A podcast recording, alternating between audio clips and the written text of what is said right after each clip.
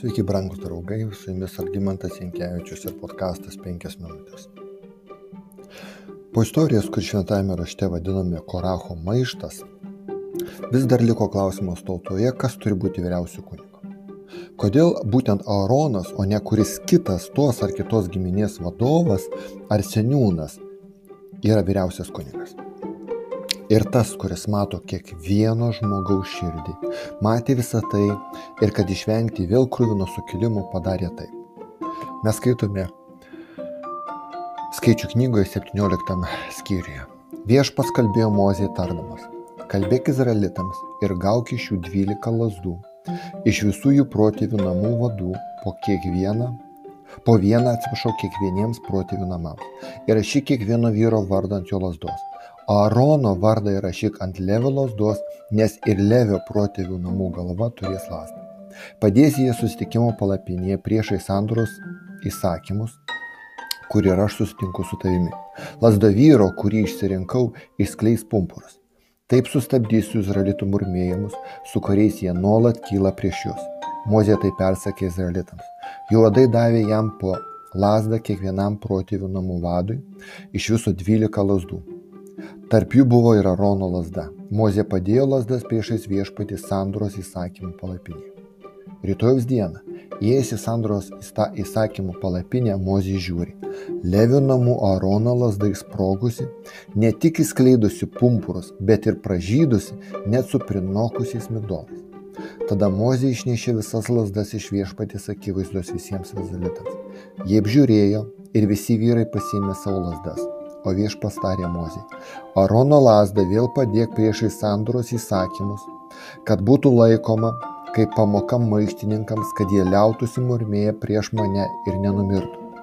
Taip Mozė ir padarė. Kaip viešpats įsakė Mozei, taip jis ir padarė.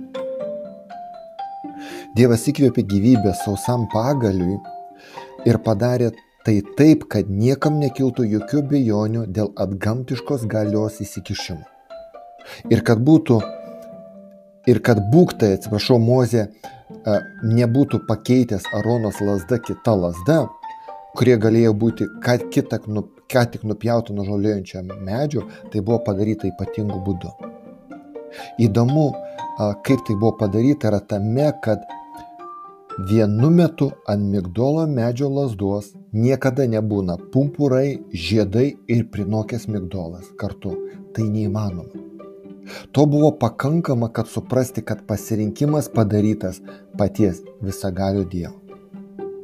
Galvojant apie tai, kodėl būtent dar Aronas buvo išrinktas ir pasirinktas būti to vieninteliu iš tokios gausios tautos, turbūt pradame ieškoti kažkokių tai tos mens ypatingų nuopelnų, talentų, sugebėjimų ar nepakartojamo jo atsidavimo Dievui, nepajudinamo tikėjimo.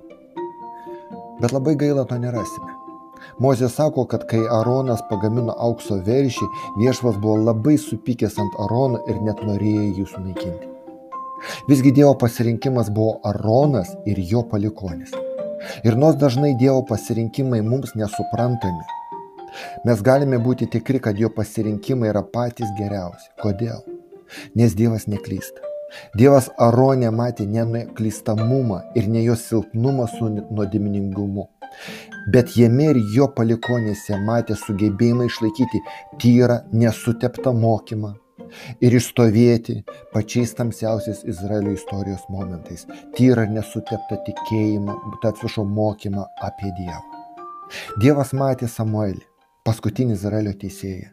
Ir iki to buvusius uh, kunigus. Dievas matė kunigus, uh, kurie tarnavo viešpačių karaliaus Dovido laikais. Dievas matė iš kunigų giminės kilusi pranašą Jeremiją.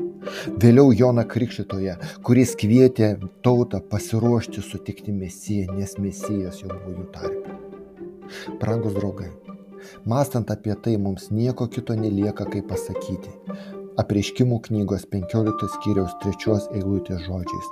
Didingi ir nuostabus tavo darbai viešpatė visą gali Dievė. Teisingi ir tikri tavieji keliai tautų valdovė.